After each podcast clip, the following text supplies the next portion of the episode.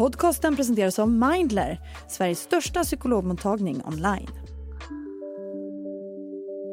Det var i oktober förra året som fyra personer i en familj från Söderhamn fördes till sjukhus efter att ha drabbats av en mystisk magsjuka.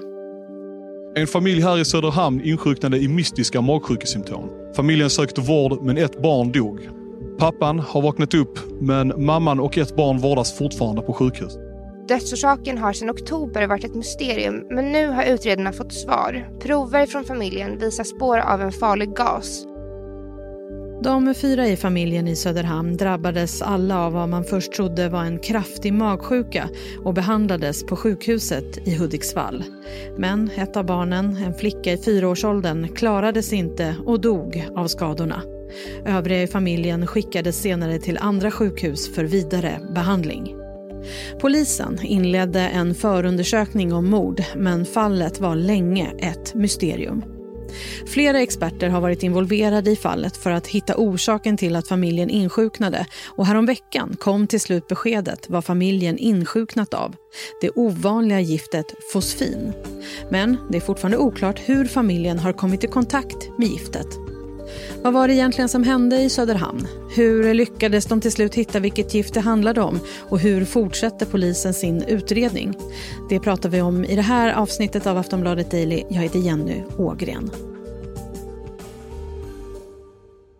Och jag har med mig Hans Österman, reporter på Aftonbladet. Hans, välkommen till Daily. Tackar. Vi behöver ju ta det här från början. Vad var det som hände hos familjen i Söderhamn? Ja, det är mysteriet vad det var som hände, för det vet varken polis eller åklagare. Eh, sedan någon vecka nu då så vet man vad det var för substans som ledde till att eh, en fyraårig flicka dog och hennes övriga familj blev svårt sjuka. Men frågorna hur och varför är fortfarande obesvarade. Hur började allting då? Ja, det är alltså en familj då eh, som bor i en lägenhet i Söderhamn. Eh, och det är söndagen den 15 oktober förra året, mitt på dagen, som eh, flickan, fyraåringen, förs till sjukhus med svåra magsjukesymptom. Eh, det är på sjukhus Hudiksvall som hon hamnar och det är också där som hon dör. Eh, hon blir skjutsad till sjukhus av en vän till familjen efter att de eh, har haft tidigare kontakt både med 1177 och larmat ambulans. Och mamman har själv berättat i efterhand, hon överlevde ju det här, eh, hur hemskt det kändes att ambulansen vände. Därför att de, eh, vårdpersonalen, trodde att det här var vanlig magsjuka då. Det var magsjukesymptom, eh, kräkningar på både flickan och på övriga familjemedlemmar. Hur snabbt förstod man att det var någonting annat som det handlade om?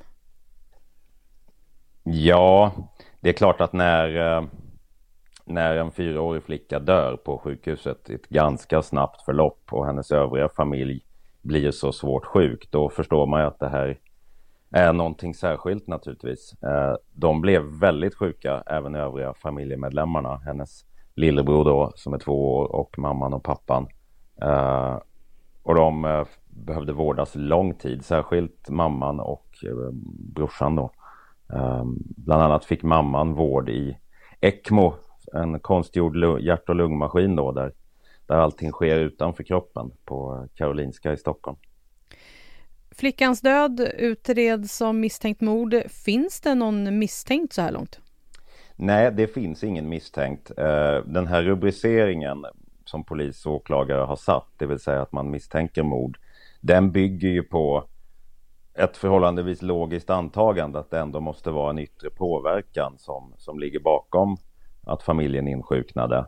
Eh, men att man, eh, att man sätter en eh, mordmisstanke handlar ibland också polisiärt om att man vill eh, frigöra mer resurser, fler tvångsmedel till utredningen. Eh, poliser brukar tala om att man, eh, man använder mordrubriceringen för att öppna verktygslådan. Hur har polisen arbetat med det här fallet? Ja, det har ju varit eh, traditionellt polisarbete naturligtvis. Eh, förhör, eh, tekniska undersökningar och de har ju varit avancerade.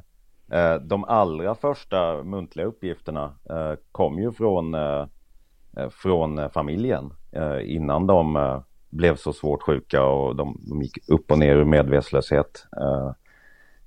Så redan tidigt förstod ju polisen då att familjen hade ätit på en restaurang i Söderhamn. Så den blev ju första spåret då så att säga. Eh, men den kunde avskrivas i princip lika fort när det då framkom att eh, det inte var alla av familjemedlemmarna som hade ätit maten därifrån. Eh, men förutom då det här traditionella polisarbetet så har man även tagit hjälp av expertis. Det har varit experter från bland annat Giftinformationscentralen, eh, Folkhälsomyndigheten kopplas in. Det här fallet har ju också inbegripit kontakter med flera internationella experter. Och mysteriet tilltog därför att ganska tidigt i utredningen så, så hade man alltså tagit prov, provtagit för mer än 200 ämnen, eh, tungmetaller, arsenik, andra sorters gifter, eh, men inte fått någon träff. Då. I eh, förra veckan så kom det ju efter otroligt lång tid ändå svaret på vad som låg bakom händelserna. Eh, ett ämne som heter fosfin. Vad är det för någonting? Det är en mycket giftig gas. Eh, jag talade med Erik Lindeman som då är överläkare på Giftinformationscentralen och som har varit mycket inblandad i som expert i den här utredningen. Och han, han liknade giftet med cyanid. Eh, men fosfin är då ett bekämpningsmedel som används mot insekter primärt men även mot råttor. Och gasen eh, fosfin den uppstår eh, när ett annat ämne egentligen, en annan fosforförening i fast form då, en sorts tablett eller pellet ungefär som en ja, diskmedelstablett med ett litet skydd runt som så småningom försvinner. Och när då den här eh, innehållet, pellets, eh, pelletsen, kommer i kontakt med fukt i den omgivande luften så startar en kemisk reaktion och den här gasen utsöndras.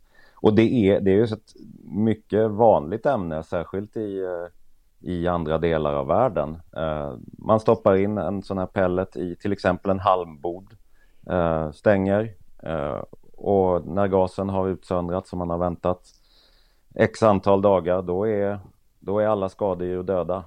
Man kan plocka bort kackerlackorna och, och göra mjöl på, på säden. Eh, I Sverige så används det enbart av eh, eh yrkesmän. Ehm, och det är framförallt i silos till exempel där man förvarar säd. Eh, fraktcontainrar är det mycket vanligt på. Där man helt enkelt gasar bort eventuella skadedjur. Vi ska snart prata mer med Hans Österman. Vi tar en kort paus.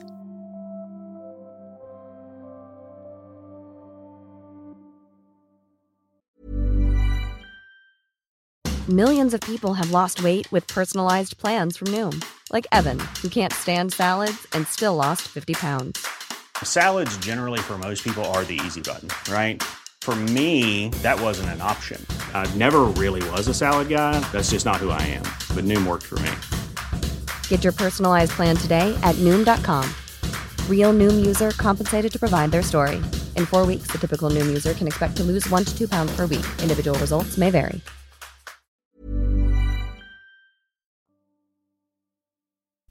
Hans, du var inne lite på det här hur de har kommit fram till att det var just eh, fosfin som var orsaken. Finns det något mer du kan berätta om just hur de jobbade med det här? Ja, alltså det var ju ett, det var ett mysterium och ett pussel de behövde lägga. Um, men så vitt jag har förstått så misstänkte man ganska tidigt, eh, de inblandade experterna, att det kunde handla om fosfin. Eh, det stämde inte fullt ut med det som fanns då i den internationella litteraturen om, om hur fosfin verkar. Det stämde inte fullt ut på de symptom som eh, Söderhamnsfamiljen drabbades av. Men det visade sig då att de flesta av de beskrivna fallen handlar om människor som har använt eh, fosfin eh, helt enkelt för att ta livet av sig. Och, och då, eh, ja, då blir det ett helt annat förlopp om man helt enkelt sväljer en sån där tablett. Det går, eh, det går mycket fort. Men eh, så småningom så förstod expertisen att det fanns fall när man då av olyckshändelser andats in den här gasen.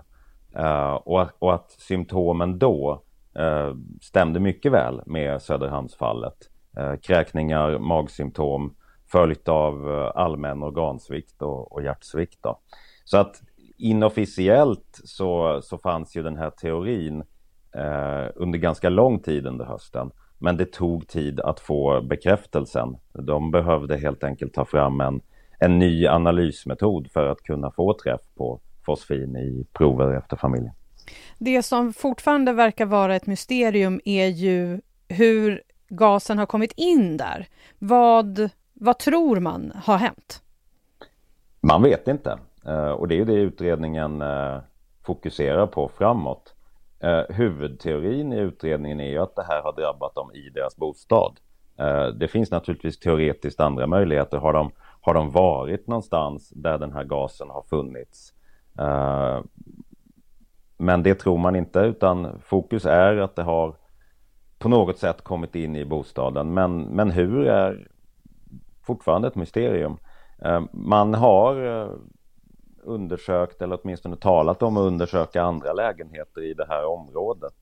Eh, där det finns dokumentation då på tidigare angrepp av skadedjur. Eh, men det som talar emot möjligen en, en sån förklaring är att ingen annan i så fall om det har varit i en, en grannlägenhet eller så så borde ju någon i den lägenheten också ha blivit sjuk. Sen är det svårt med spår efter, efter fosfin därför att det är ju en gas. En gas vädras till sist ur, den försvinner. Och det enda i övrigt som finns kvar efter att man använt en sån här tablett och det är ett litet tunt lager med aska. Och något sånt eh, har man ju åtminstone inte hittat hittills i de eh, undersökningar som har gjorts i, i bostaden. Det är klart, eh, förra veckan då när beskedet kom att det verkligen var fosfin så är det ju tydligare för eh, teknikerna som har varit inne där i, i sina skyddsdräkter eh, att faktiskt leta till exempel efter den här askan då någonstans. Och man, man gjorde också nya undersökningar eh, i förra veckan i bostaden. Men eh, så vitt känt har man inte hittat några spår än så länge.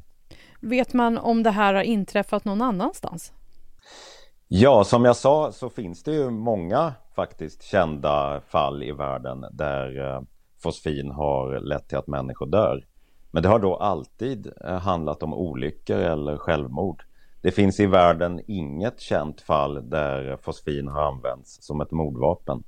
Ehm, men som sagt, olyckor har inträffat. Eh, jag fick beskrivet för mig av eh, experten där från Giftinformationscentralen hur det bland annat vid något tillfälle har läckt in i hytter på ett fartyg där fosfinet då eh, användes i en av containrarna.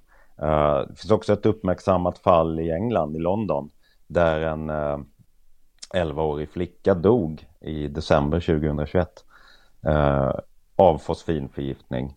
Och det skulle visa sig då att en granne i lägenheten under hade lagt ut en också alldeles för stor mängd av fosfintabletter för att bli av med skadedjur.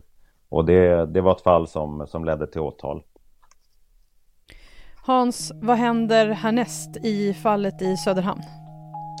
Ja, den som det visste, det, det är ett svårlöst fall naturligtvis av, av skäl som jag lite grann var inne på. Uh, nu vet de vad, det vill säga att det var fosfin. Men de vet inte hur och de vet inte varför.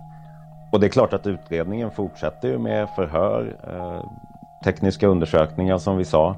Men eh, för att besvara de återstående frågorna så, så krävs någonting mer än det som nu är känt. Tack för idag Hans. Tack. Sist här Hans Österman, reporter på Aftonbladet. Jag heter Jenny Ågren och du har lyssnat på ett avsnitt av Aftonbladet Daily. Du kan läsa mer om fallet på aftonbladet.se. Vi hörs snart igen. Hej då.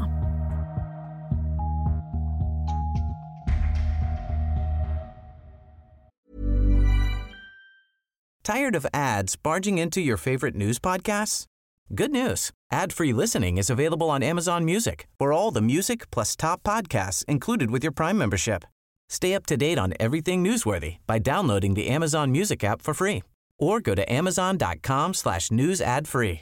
That's amazon.com slash news ad free to catch up on the latest episodes without the ads. Du har lyssnat på en podcast från Aftonbladet. Ansvarig utgivare är Lena K Samuelsson.